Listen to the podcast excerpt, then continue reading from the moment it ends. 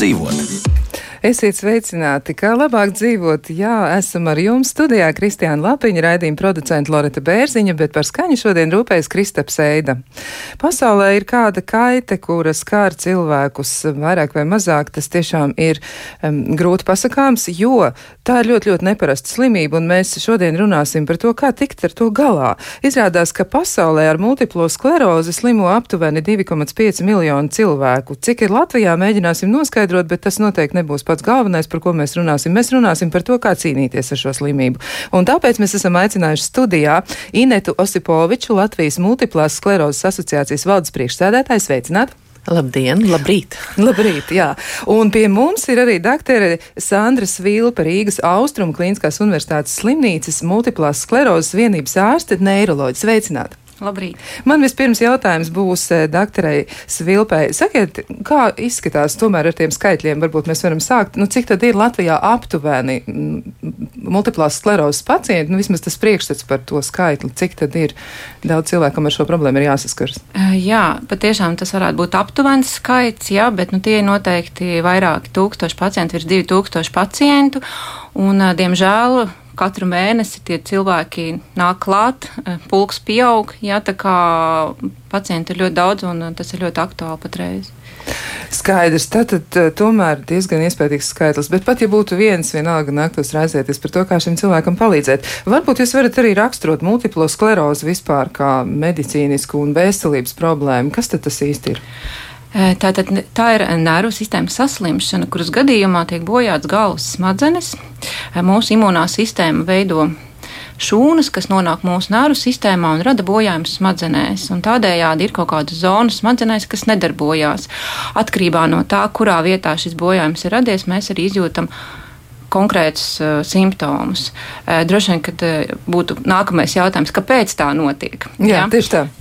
jā, uh, kāpēc tā notiek, mēs arī nevaram precīzi atbildēt. Ir vairākas teorijas, ka ir iesaistīti vīrusi, ir iesaistīta vide, kādi ģenētiskie faktori, ja? uh, bet, diemžēl, tādas uh, vienotas skaidras idejas, kāpēc vienam cilvēkam sākās multiplā skleroze un kādam ne, nav. Tāpēc arī varbūt nav tik vienkārši viņu mm, apkarot, izārstēt un palaist cilvēku brīvu no slimības.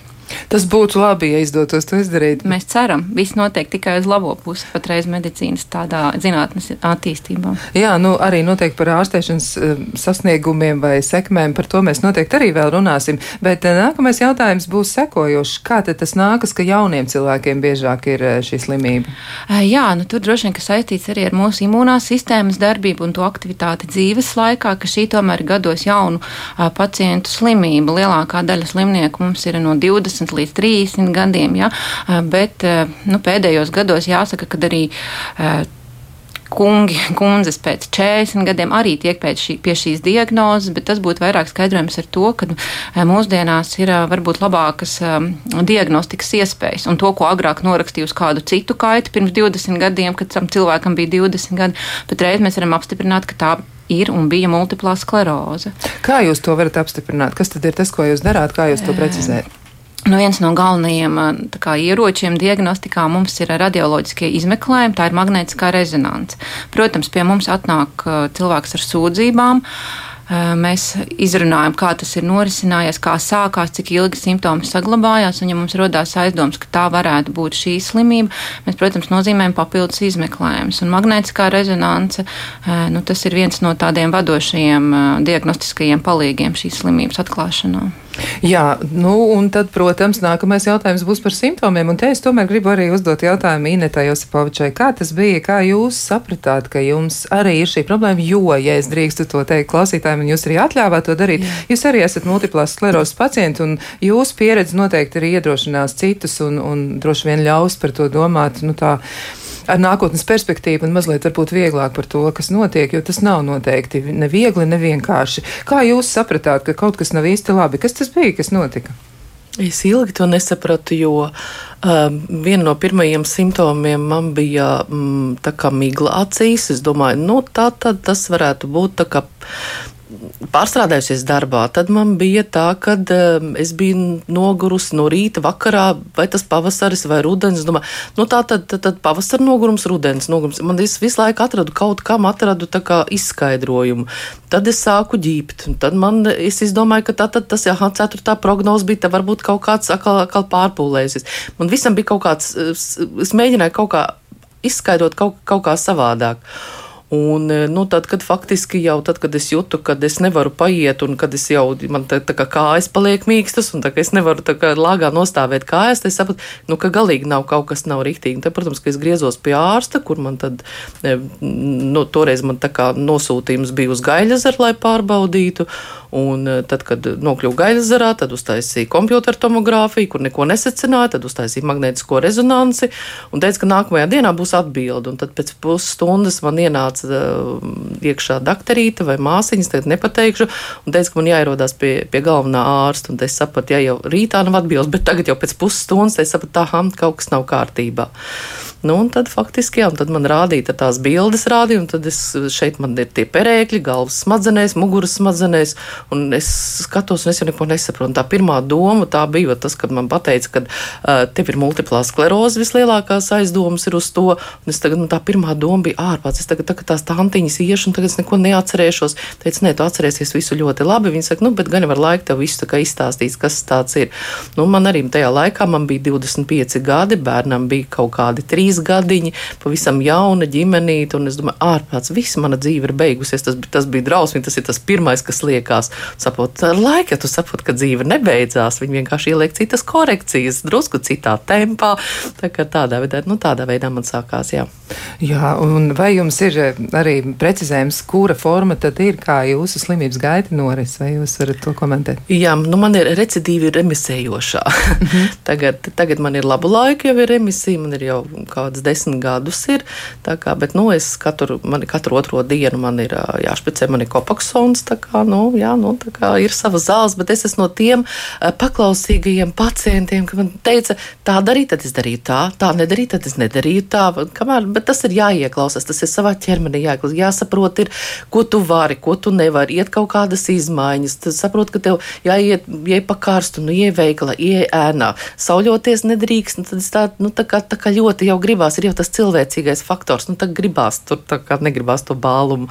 Nu, tad, bet arī ļoti, ļoti uzmanīgi, ļoti, un katram individuāli nevar ieteikt, tu dari tā, tu dari tā. Viens jūtās saulē forši, viens jūtās tur, es nezinu, tur, tur ledus baļā labi. Tā kā man nedara neviens, ne otrs, es tāds pa vidu, un tas, maz, tas ir tas pareizākais, kad nepārforsēt ne ar ko, ne ar fiziskām aktivitātēm, ne arī ar daudz ko citu. Katram savs tas jāizvēlās. Katram savs, sava, sava slimības gaita, sava unikālā situācija. Varbūt jūs arī varat pateikt, cik jūsu nu, apvienībā, ja tajā organizācijā, biedrībā, jā. biedrībā, jā, tādā kopā, cik jūsu kopā ir iesaistījušies cilvēki, cik ir aktīvi, kas interesējas par sevi un arī noteikti palīdz citiem? Tādiem kā reģistriem mēs apmēram esam 700, bet tas nenozīmē, ka mēs visi tiekamies, ka mēs visi esam, bet visi mums kaut kur ir redzes lokā. Asociācijā skaitās, nu, tā kā biedrs, ja viņš nu, kā maksā to biedra naudu, bet tas nenozīmē, ja man pazvana vai man nav samaksājis to biedra naudu, ka es viņam neteikšu nekādu informāciju. Protams, kad es ar viņu runāju, protams, ka, ja vajag, es viņam iedošu visu informāciju. Mums ir bukleti, mums ir dažādi flyerīši, ko mēs, ko, ko mēs labprāt dalām, žurnāli un visa, visa informācija, ko vēlēs, ir pieejama arī internetā. Protams, ir mājaslapas, tā kā tā informācija. Jā.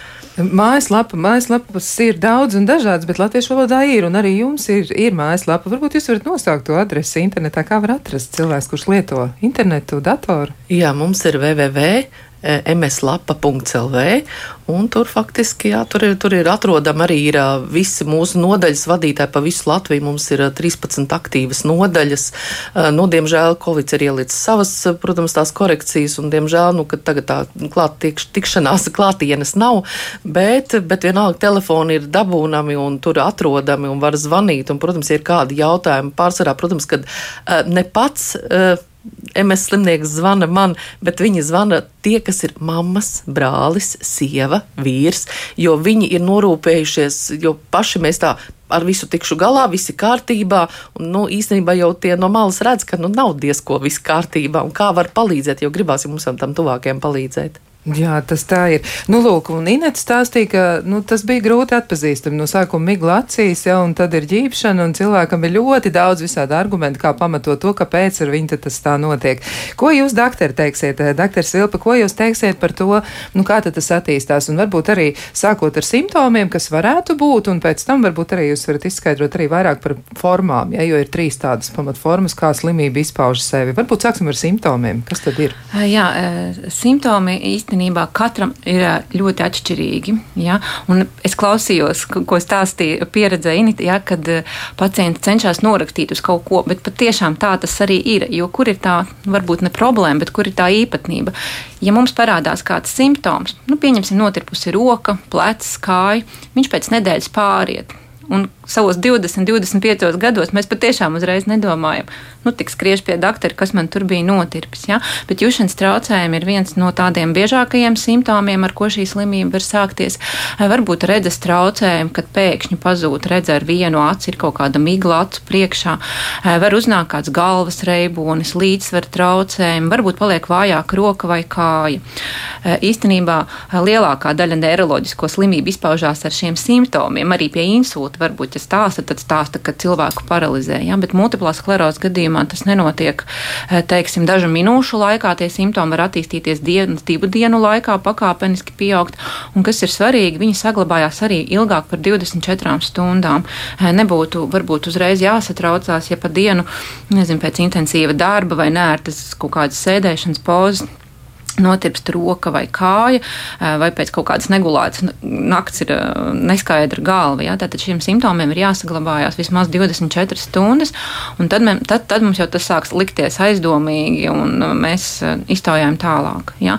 Bet principā tā ir, kad viņi arī var pāriet pēc nedēļas, kuram pēc divām nedēļām un gadu vai divus gadus nebūtu nekādām sūdzībām, un cilvēks aizmirst, ka viņam tas vispār kaut kad ir bijis. Un tikai pēc tam, kad mēs jau runājam vizītē, tinam apakaļ, un ja tomēr labi padoma, tad bieži vien, iz, ah, jā, vispār bija kaut kas tāds pirms trīs gadiem, varbūt tā bija tā pirmā epizode, kas netika līdz galam novērtēta un uh, uzreiz pie ārsta negāja. Jā, un tad par tām formām. Mm -hmm. nu, tā tad eh, trīs, trīs pamatā izpausmes, trīs, trīs sejas. Ja? Eh, trīs sejas. Nu, īstenībā tā ļoti globāli runājot, tās ir divas sejas, bet vienai sejai ir tā kā. jā, vēl cita grimase. Ja? Cita grimase, jā, tieši tā. Tātad biežākā forma, ar ko mēs ikdienā sastopamies, eh, nu, medicīniskā valodā tā būs recidivējoša, remitējoša norise, bet vienkāršā valodā runājot, tas būtu tā slimības forma, kas noris ar pāsinājumiem, kuru laikā ir simptoms kāds, un pēc tam ir miera periods tā remisija, kas katram var būt ļoti individuāli. Varbūt gads, varbūt pusgads vai trīs.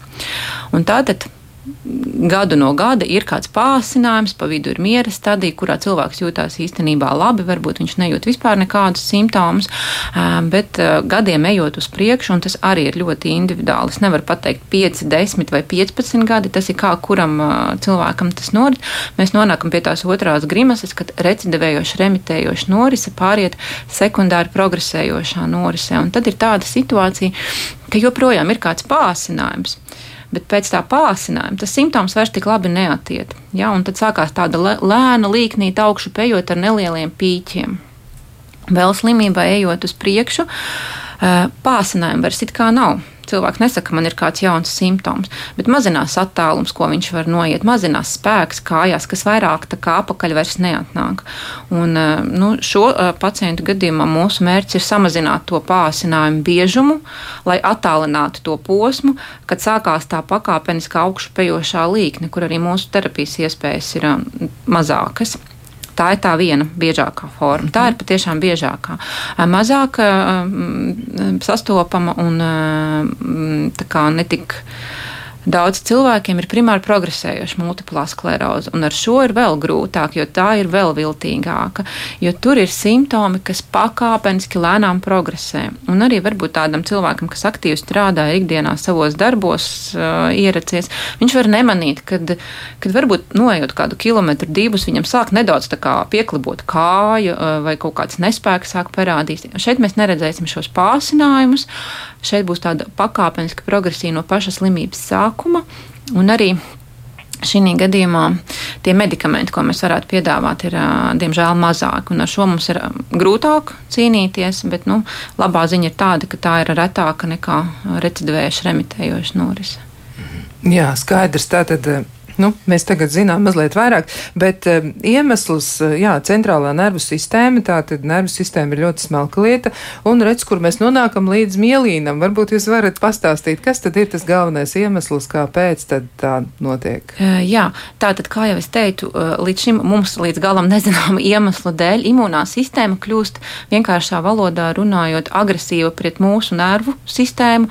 Ehm, tas ir tas autoimūnais mehānisms. Ehm, principā mūsu nervu sistēma, galvas smadzenes ir ļoti labi pasargātas no apkārtējās vides, un tur ir tāda stingra barjera, kas neļauj šūnām nokļūt nervu sistēmā. Bet multiplā sklerozes gadījumā šī barjeras caurlaidība palielinās, un šīs iekaisuma šūnas tās, kas ikdienā īstenībā mums ir nepieciešams, lai cīnītos ar infekcijām, vīrusiem, viņas nonāk nervu sistēmā un bojā jūsu pieminēto mielīnu. Kas tad ir mielīns? Mielīns ir tāds apvalks mūsu nervu šķiedrām. Mums ir nervu šūna, kas satur daudz garus izaugumus, un lai pa šiem izaugumiem impulsi ceļotu lejā uz roku, uz kāju, ir šis mieliens, kas nodrošina tādu ātru impulsu pārvadi. Tie impulsi lec starp tādām mielīnas spraugām. Mūsu imunās sistēmas šūnas to mielīnu sāk bojāt. Un radās vienkārši sakot, pārvades traucējumi. Tas impulss vairs tik ātri nelec. Ja? Un, nu, tā, kad pavisam viņš atjaunotos vairāk, tas vairs nenotiek. Ja? Varbūt ir neliels tas remielinizācijas iespējamība, ja? bet principā, ja tā rēta vienkāršā valodā runājot, rēta vai perēklis ir izveidojies galvas smadzenēs, tad pilnībā viņš nepazudīs ne pēc pieciem, ne pēc desmit gadiem, vienalga kādus brīnuma līdzekļus mēs mēģinātu lietot.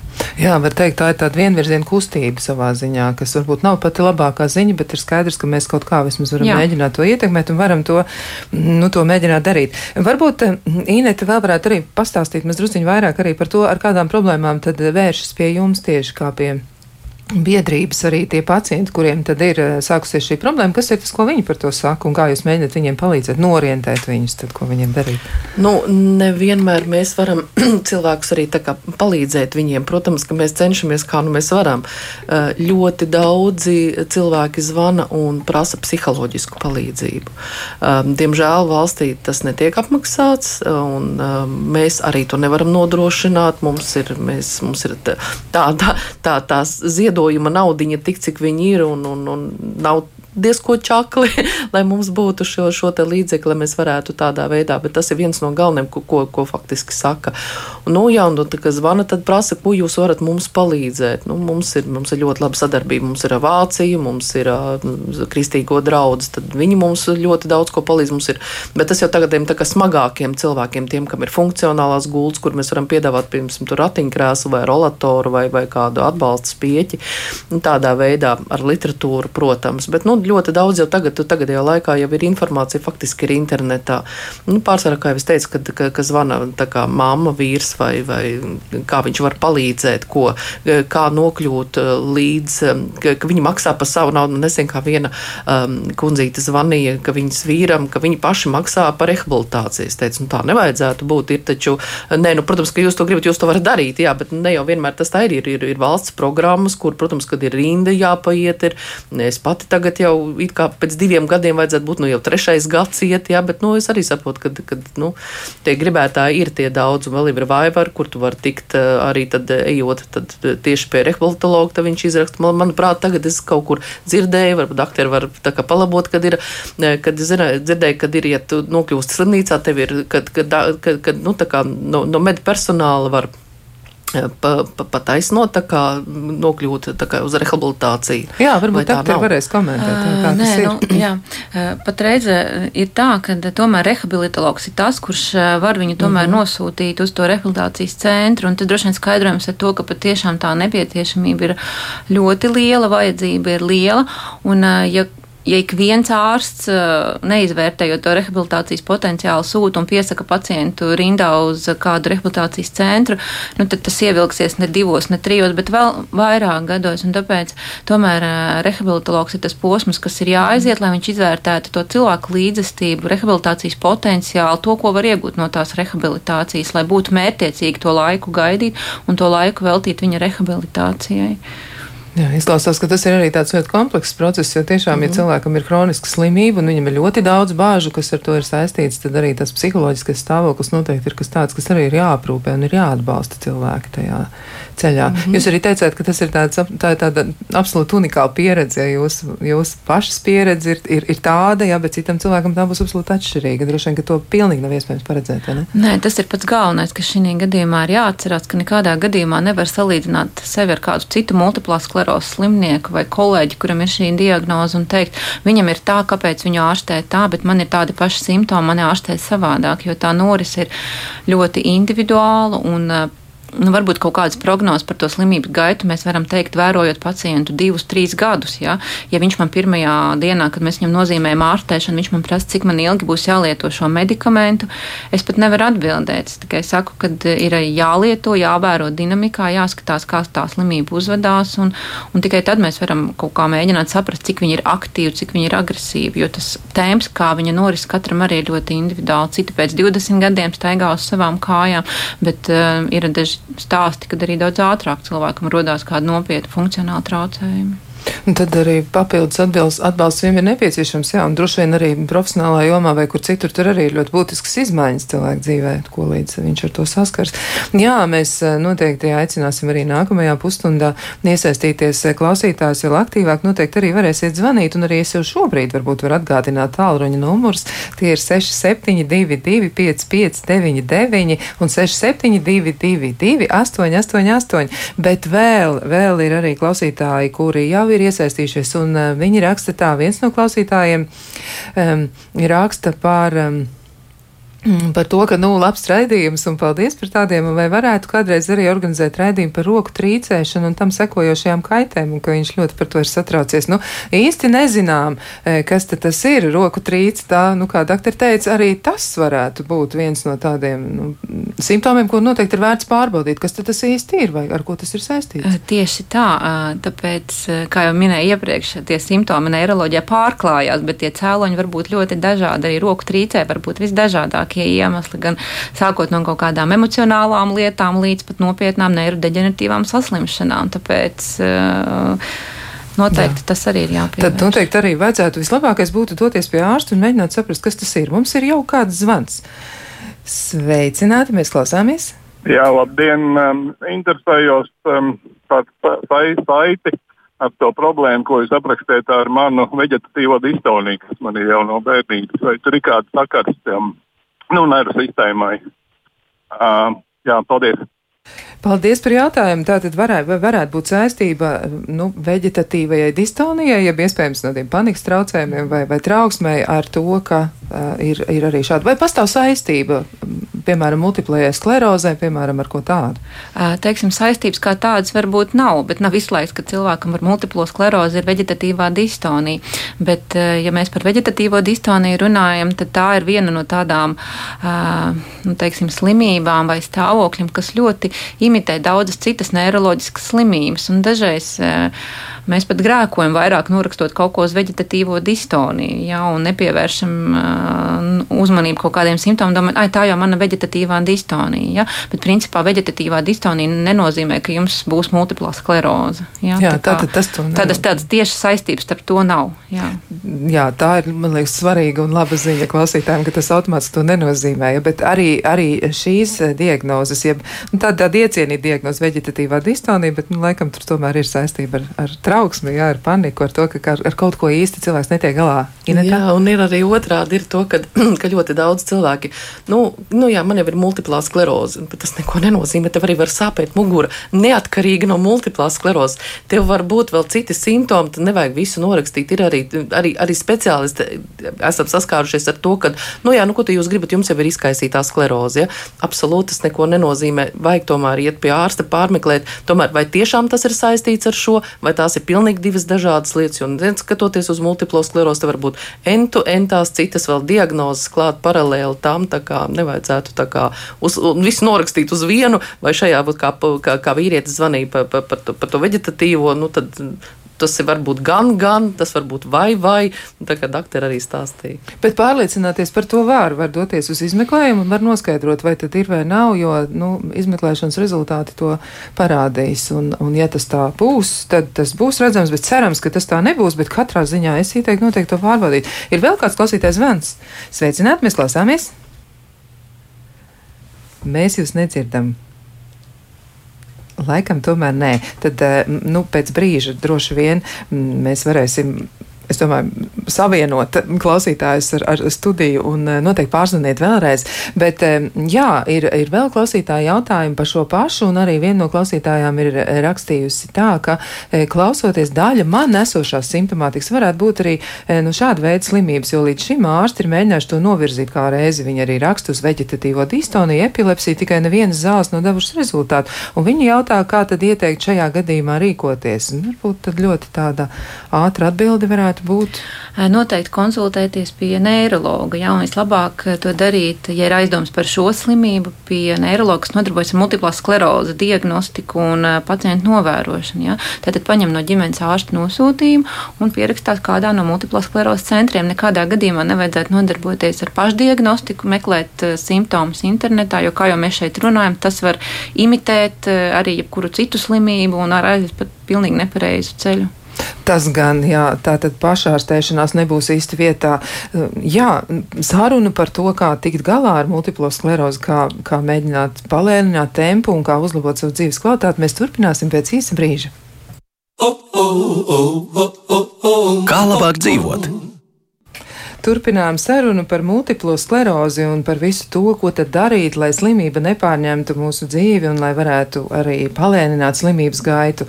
Viens no klausītājiem, ja viena precīzāk tā ir klausītāja, viņa raksta tā, labdien, man ir 27 gadi, jau divus mēnešus bieži un stipri sāp galva, tagad pusotru nedēļu pēcpusdienā sāk nākt miegs tā, ka knapi turos augšā līdz vakaram un guļu visbiežāk no 10 vakarā, no 22 līdz pat 8 rītā, un ārsts tikai saka, ka ātrāk jāiet gulēt. Un un tad miegs nenākšot pēcpusdienā. No vienas puses izklausās ļoti vienkārši, bet arī šeit tomēr ir raizes, un tās raizes ir, ir bažas par sevi. Doktor, ko jūs ieteiksiet darīt? Nu, jaunu sievieti, 27 gadi un tāds. Jā. Uh...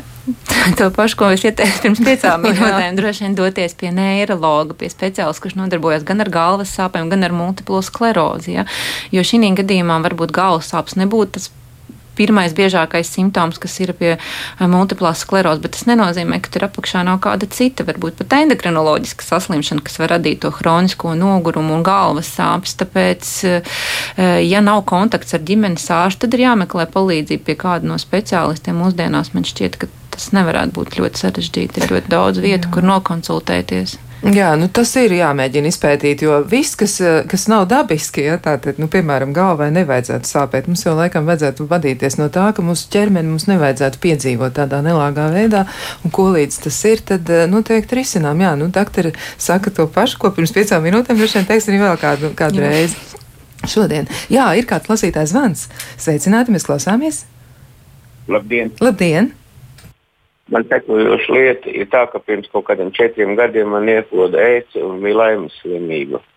Un parādījās neku, kādu nemierīgo kāju sindroms. Un ir tā, ka es no rīta drusku aizmiegu, pēc stundas pamostos, tās kājas tādas nemierīgas ir. Un vēlreiz pamostos, pēc tam kā drusku pastaigāju, tad tā kā pāriet, un reizēm pāriet, reizēm nepāriet un dzeru es vakarā divus neirontīnus un uh, šo rapinarolu. Uh, ko man darīt vispār, kad, lai kaut kāds mazinātu, un liels galvas sāpes arī ir. Jā. Paldies par jautājumu. Jā, nu, tā situācija ir eh, mazliet citāda, bet tomēr laimes slimība ir uh, problēma noteikti. Tajā nozīmē, ka tur ir kādas sekas un pacientam ir sekas. Varbūt, doktori, jūs tomēr komentēsiet. Uh, jā, nu, droši vien, ka šī gadījumā nebūtu pareizi, ka es nozīmētu kādu ārstēšanu nu, tas, šim tas, kungam. Jā, bet par laimes slimību runājot, tā ir viena no tām diferenciāla diagnozēm, kuras mums ir jāatšķir no multiplās sklerozes. Jā, vienmēr pacients ir aizdomām par multiplo sklerozi. Mēs arī testējam uz laimes slimību, jo, kā zināmas laimes slimības izpausmes, varbūt arī neiroloģiskie traucējumi, ja, bet uh, svarīgi ir pareiza analīžu interpretācija, nevienmēr pozitīva. Pirmā analīze uzreiz nozīmē, ka ir laimes slimība, un diemžēl ikdienā uh, mēs sastopam pacientus, kuri pat ir saņēmuši ārstēšanu pret laimes slimību ar nopietnām antibiotikām, bet īstenībā uh, varbūt no tā varēja izvairīties. Ja? Uh, tāpēc konsultēties ar infektologu, konsultēties ar neirologu, lai saprastu, vai tiešām tā ir laimes slimība, un ja tā ir, tad viņi arī ir jāārstē mm, samērā agresīvi ar antibiotikām, lai nesāktos neiroloģiskas komplikācijas, bet arī laimes slimība var izpausties gan ar kustību traucējumiem, gan ar kaut kādiem dīvainiem jušanas traucējumiem. Jā, nu tā tad noteikti jātur kontakts ar savu ar savu neiroloģu, ar savu ģimenes ārstu, ar infektologu, un varbūt vēl ir vēlreiz vērts pārjautāt, kas tad īsti ar mani notiek. Jā, bet mēs eh, mazliet jau apspriedām pacientu reakcijas, bet varbūt eh, varētu arī Ineta vairāk komentēt, un arī pēc tam dr. Sandrs Vilp par to, kā tad pacienti uzvedas tajā brīdī, kad viņi uzzina, ka viņiem ir eh, šī diagnoze, multiplā skleroze. Kas notiek visbiežāk, ar ko jūs arī esat saskārušies? Nu, tā ir, tā, tās ir tās, tās ir tās stadijas, ir to, kad ir pirmais ir tā drausmīgā tā sajūta, ak, Dievs, kāpēc tas ir ar mani, kāpēc tieši es, ko es esmu izdarījis dzīvē, ne tā, ko, ka, ko man vajadzēja darīt savādāk, tā ir sevis vainošana, kur es esmu kļūdījusies, ko es esmu palaidusi garām, tad ir tā noliekšana, to, kad nē, man tas nav, kad tas uz mani neatiecās, kad, kad es neko par to negribu dzirdēt, tādā veidā mēs no, tā kā attālim šo šo ārstniecības, ārstēšanās sākumu, kas ir arī ļoti, jo ātrāk tu sāc ārstēties, kā pie kuras slimības, protams, kad ir neno, jo ne, nevajadzētu novēloti to visu. Tā kā, tā kā viena no nozīmīgi ir um, šie, šie te, nu, un tad jau, protams, kad ir, uh, ir tā līdzestība no pacientiem, kur ļoti bieži sastopamies ar to, ka, ai, man no tā nepalika labāk, ai, man no tā palika sliktāk. Nu, ja paliek sliktāk, protams, ka vajadzētu tā kā, tā kā ziņot uh, nu, ārstam, tad varbūt tev nozīmētu citu ārstēšanu. Nu, tur dod tikai vienu ķīmiju, man tas neko nepalīdz. Nu, ir, ir dažādi šie simptomi, tad, kad es mēģinu tiem cilvēkiem pateikt to, ka, uh, ja tu nelietosi šīs zāles, var sakot, tev pēc tam šīs te vairs nepalīdzēs, un vai tev pēc tam atradīsies kādas citas zāles, kuras tev palīdzēs, ja tev tā stadija jau būs stipri absolūti savādāka. Tā kā ir tomēr ir to, ko ārsts saka, ir jādara. Ir jādara, jāķerās ātrāk, kā saka, vērsim pie ragiem un jāķerās pie slimības ārstēšanas, un pašam ļoti aktīvi ir jāiesaistās. Ir vēl kāds klausītājs zvans. Sveicināt, mēs klausāmies! Labdien! Sakiet, lūdzu, ko nozīmē sklerotizētas locītavas? Paldies! Jā, jautājums par sklerotizētām locītavām. Vai tās attiecas uz multiplo sklerozi? Laikam, tas neatiecās gan ne uz multiplo sklerozi, ne uz neiroloģiju kopumā. Tas kopumā, vairāk jā. ir uh, locītavu doktoru vai ortopēdu ko kompetence. Varbūt šī brīdī jāpiemina, ka vārds skleroze, ko mēs attiecinām uz aterosklerozi, uz, uz sklerozi pie kaut kādām Alzheimer slimībām vai kognitīvo traucējumu slimībām, un uz locītavu sklerozi nav tas pats, kas multiplā skleroze. Dažreiz ir tāda nesaistība nesaprašanās eh, nu, eh, cilvēku galvās. Ja, ja ir skleroze, tad kura no tām sklerozēm man ir? Bet eh, locītavu sklerozi tas nebūs saistīts ar multiplo sklerozi. Jā, tas nebūs ar to. Tad vēlreiz mēs varam atgādināt, ka multiplā skleroze ir centrālās nervu sistēmas problēma, kas sākas, kas tiešām nervu šūnas ir tās, kas ir cietušas, un tad attiecīgi arī visas tās sekas, kas notiek ar cilvēku. Vēl arī jautājums par to, nu kā tad var ārstēt, ko mēs varam darīt lietas labā labā, jo būtībā izārstēt pilnībā šo slimību diemžēl nevar, bet var mazināt tempu, kā slimība attīstās. Doktors Vilpa, nu izstāstiet, kādas ir mūsdienās iespējas. Jā, tieši tā tas arī ir. Mēs varam mazināt slimības tempu, eh, dodot imūnmodulējošo terapiju. Šeit arī ir svarīgi saprast, ka tā nav imūnsupresīva terapija, jo nereti pacientam vārds imūnmodulējoša automātiski asociējās ar imūnsupresīvu, ar imūnās sistēmas nomākumu. Jā, un tad viņš saka, jūs man tagad nomāksiet imūno sistēmu, un kā tad es tālāk dzīvošu, man lips visi vīrusi klāt. Bet šī gadījumā imūnā sistēma varbūt netiek tādā vienkāršā veidā nomākta, bet tiek mainīta viņas darbība.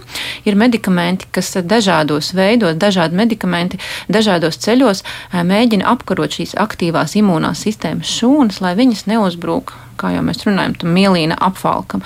Ja, un, uh, es strādāju šajā jomā no 2013. gada, un jau sākot darboties, man bija ieroči, ar ko cīnīties, ja, bet kolēģi, kuriem ir uh, vēl lielāka pieredze, pirms 20 gadiem Latvijā mēs varējām tikai mēģināt ārstēt pāsinājumus un kaut kādu uzturošo terapiju dot, bet patreiz. Varbūt atšķirībā no citām slimībām, onkoloģijas vai kādām citām retākām saslimšanām, tomēr situācija ir ļoti laba no valsts puses, jo medikamenti ir kompensējumi. Nevajadzētu baidīties no tā, ka tagad, kur es ņemšu naudu šīs slimības ārstēšanai, jo, ja paskatās tādā pašā internetā, cik maksā mēnesī kāds no šiem medikamentiem, tad uzreiz liekas, ka es nevarēšu to atļauties. Ja? Bet tomēr Ņemot vērā, ka slimības skar gados jaunus cilvēkus darbspējīgā vecumā, jā, tad tās ārstēšanas iespējas no valsts puses ir diezgan laba pretīm nākšana, un mēs varam operēt ar dažādiem medikamentiem, lai samazinātu to slimības aktivitāti.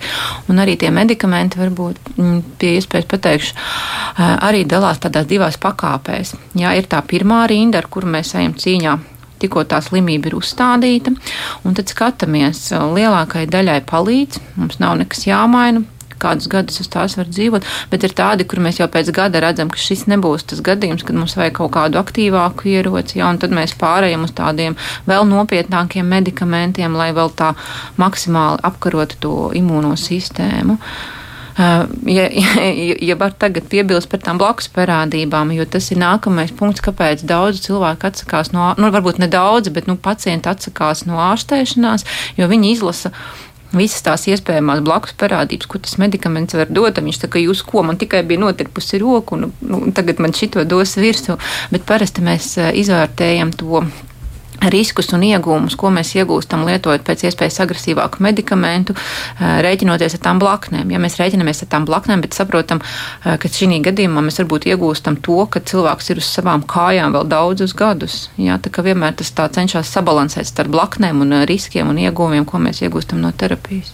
Jā, izskatās, ka klausītājiem ir līdzīgas bažas, jo viena no klausītājiem raksta tā, man uzstādīja diagnozi pirms diviem gadiem, 35 gadu vecumā. Nē, esmu uzsākus terapiju, jo zāļu blakus parādās parādības šķiet baisāks par slimību - aknu bojājumu, progresīvu multifokālu um, leikoencefalopātiju, citu autoimūnu slimību attīstību lielākais biets. Un tad, tad tiešām ļoti tādas eh, nopietnas lietas, un cilvēki ļoti pieķers blakus parādību uzskaitījumam. Eh, jā, pare...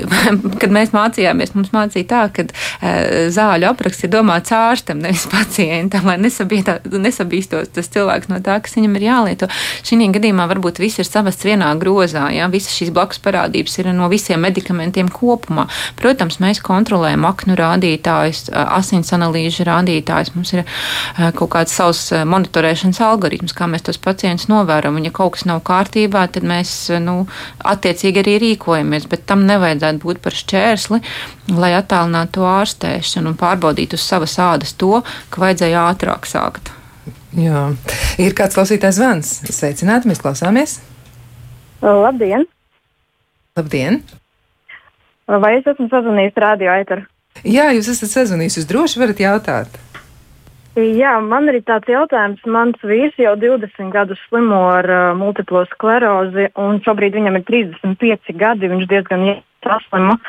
Un, uh, jautājums ir tāds, vai tiek domāts arī par šādiem pacientiem, kuriem jau ilgstoši ir simptomi, kuriem ir diezgan smaga stadija. Nu, piemēram, manam vīram ir tā, ka viņš būtībā ir uh, ratos sēdošs un nestrādā vairs ne rokas, ne kājas, lai gan, lai gan regulāri tiek, uh, nu, tiek, tiek izdarīts tas, ko ārsti saka.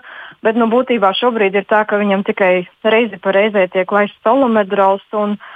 Un, viņas dara arī baklusālus pastikai, un tas, tas principā ir arī viss, ko mums šobrīd uh, viņa ārstējošais ārsts piedāvā. Tad jautājums, vai tiešām tas ir viss, ko var darīt šādiem jau, jau smagiem pacientiem, kam jau ir ļoti ielaista šī kaita.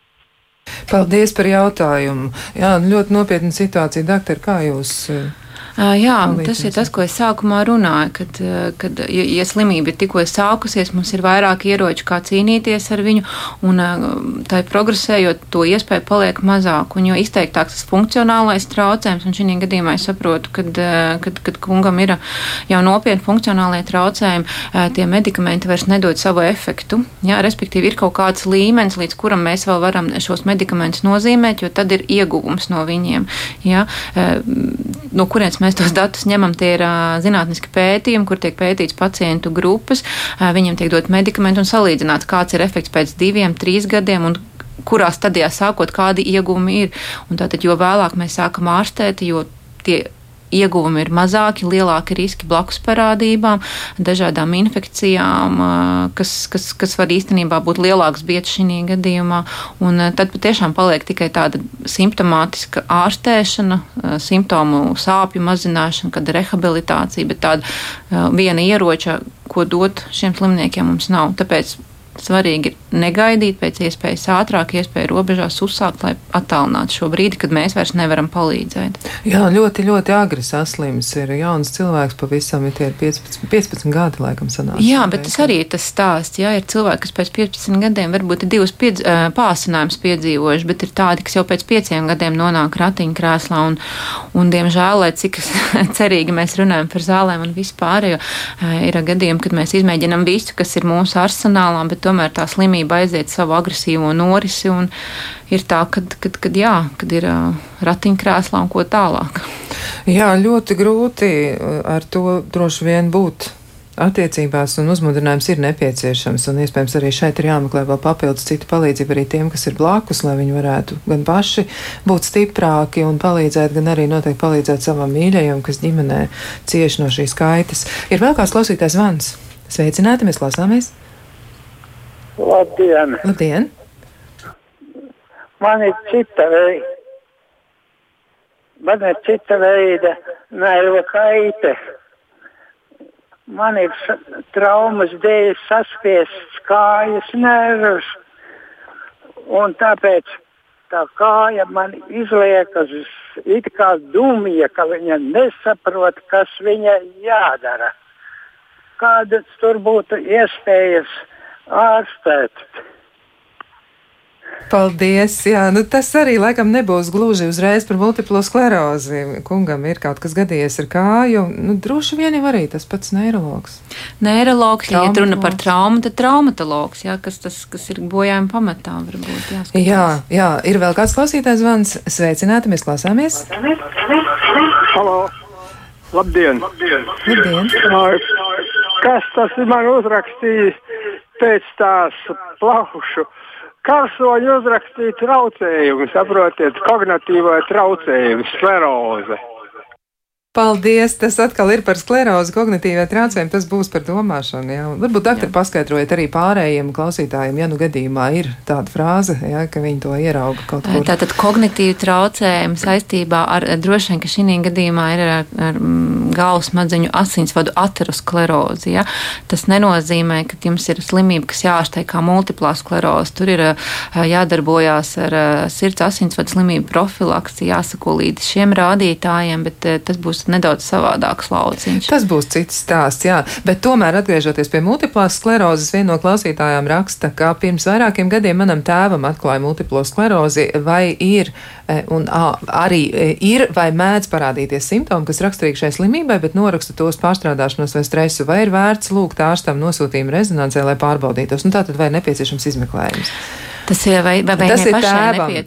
Jā, tēvam ir atklāta mhm. multiplā skleroze, jā, bet, nu, laikam es tā saprotu arī, e, ka, ka viņai tas pašai ir, un viņa to noraksta uz pārstādāšanos vai stresu, un tas varbūt arī ir, e, nu, saliekams kopā. Jā, jā nu, teiksim, varbūt multiplā skleroze nav gluži ģenētiska slimība, bet mums ir pacienti, kuriem vecākiem vai brāļiem ir ģimenē vēl kāds multiplā sklerozes gadījums, un ir tā, ka slimo divas māsas, piemēram. Es domāju, ka šī gadījumā pilnīgi noteikti vajadzētu nokonsultēties multiplā sklerozes pasaules kabinetā, izstāstīt simptomus un, ja nepieciešams, tad arī nozīmēs to magnētisko rezonanci. Un tad noteikti arī varēs precizēt, kas tad ir kas. Varbūt eh, vēl noslēdzot mūsu sarunu arī jautājums eh, Inetai Josipovičai, ko tad jūs varētu nu, teikt kā tādu uzmundrinājumu tiem pacientiem, kur ir nu pat nonākuši pie mm, diagnozes, viņiem ir saprotams, ka tā ir slimība, kas attiec uz viņiem, un viņi ir tikko sākuši savu ceļu slimības ārstēšanā, un arī visiem tiem, kuri jau gadiem ilgi to ir attiecībās līdzīgi kā jūs. Ja, un, -hmm. nu, kas ir tas, ko jūs teiksiet? Kas varētu būt tāda laba ceļamaize, lai tomēr var, var, var, varētu dzīvot un varētu kaut ko darīt sevis labāk? Nu, jā, nu, pirmais ir, protams, tas neatstāt novārtā to, ka ar mani tas nav, bet tomēr griezties pie ārsta un klausīties, ko ārsts saka, jo tomēr tie ir speciālisti, ir speciāli apmācīti, ir izgājuši speciālus kursus, beiguši speciālas skolas, un kas tieši ir pa multiplo sklerozi. Un uh, dažkārt mēs internetā izlasām dažādas, es atvainojos, muļķības, atsakot, ka, ka, ka, un tad mēs izdomājam, ka man tā tad ir šādi vai šādi. Tad domāju, ka tā nedaram. Vajadzētu, protams, ka pirmais vajadzētu vajadzētu konsultēties ar ārstu. Tāpēc mums ir trīs centri. Ir Stradiņos, ir Gaļazars, ir Jūras medicīnas centrs. Agrāk bija tikai viens, tagad cilvēkiem ir daudz lielākas iespējas. Līdz ar to tās iespējas ir. Un tā kā tās ir jāizmanto, ir jāpierakstās saulaicīgi, nav jāizdomā uz savu galvu, ko darīt vai ko nedarīt. Un, protams, kad ir jāieklausās savā ķermenī, jāmāk ar šo diagnozi, ir jāmāk sadzīvot.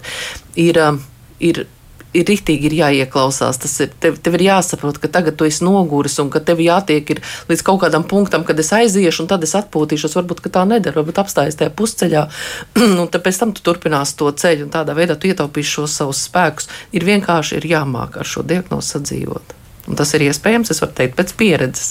Jā, tas ir laikam ļoti, ļoti svarīgi, ka jūs esat cilvēks, kurš var uz savu pieredzi balstoties arī sniegt kādus padomus, jo reizēm ir tā, ka noraidījums varbūt sāks arī ar to, ka kāds man kaut ko saka, bet pats par to neko nezinu. Jā, un arī, arī būt, gribu arī, nu, pateikt, ka tas nav viennozīmīgi, ja ir nokļuvusi pirmsim ir ratiņos vai ir um, palicis bez kājām. Es arī varu pateikt pēc savas pieredzes, ka man ir bijis tā, ka man ir no rīta man ir bijuši no, notirpušas pēdas līdz vakaram. Es sev nejūtu līdz padusēm pilnīgi nemaz. Un ir bijis tā, ka es pārvietojos pa māju, droši vien, ka pie multiplās zina, kā tas ir, ka tu ej ar prātu, nevis tu savu ķermeni nejūti. Tu pārvietojies, tu turies pie sienām, tu turies un tad tā, tādā veidā. Es esmu bijis pilnīgi bez redzes, es esmu bijis pilnīgi akla. Es redzu, es tagad teju, doktorā saka, viņa saka, nemaz no malas nevar pateikt, ka tev kaut kas ir. tā kā, tā kā, un tas neko absolūti nenozīmē. Ir dažādi. Katrs multiplās sklerozes slimnieks ir dažādāks. Vienam atgriežas šie simptomi, dažam paliek šie simptomi, nu, kādam pāriet viņi. Tā kā nav tā, ka, ja skatīties pēc viena, nav tā, un ka viens lieto tā zāles, ko tu lieto, man ar to vajag. Tā tas nenotiek. Nu, nenotiek. Tāpēc skatās doktora anamnēzē, kā ir pirms tam kāda zāles, kāda kāda simptomātika, kurā vietā tie perēkļi. Tas ir vesels, šausmīgi liels darbs, kurš tiek izvērtēts, katrs slimnieks individuāli, tāpēc es saku, tāpēc klausīsimies, ko mums saka ārsti. Tas ir visbūtiskākais ieteikums. Klausīsimies, ko mums saka mūsu ķermenis un arī ko saka ārsti. Un es savukārt teikšu paldies Inetai Josipovičai, Latvijas multiplās sklerozes asociācijas valdes priekšstādātājai un doktorei Sandrai Svilpei, Rīgas Austrum Klīniskās universitātes slimnīcas multiplās sklerozes vienības ārstē neiroloģijai par padomiem, par ieteikumiem ieteikumiem un arī par to stāstu, arī, arī par to, kā tad ir realitāte, kā ir ar multiplo sklerozi. Tiešām liels paldies! Bet rīt, rīt atgādināšu, ka jums būs iespēja pārcelties uz eh, diezgan tālu vietu eh, pie pašas, pašas robežas. Un, eh, kas tad notiks rīt un uz kurien jūs varēsiet doties kopā ar Elvi Jansonu un ar pārējiem mūsu kolēģiem, to jūs rīt uzzināsiet, bet es pačukstēšu, ka apdzīvotās vietas nosaukums sākas ar burtu U. Rīt to arī noskaidrosiet. Lai jums skaista diena un tiksimies nākamreiz. Visu labu!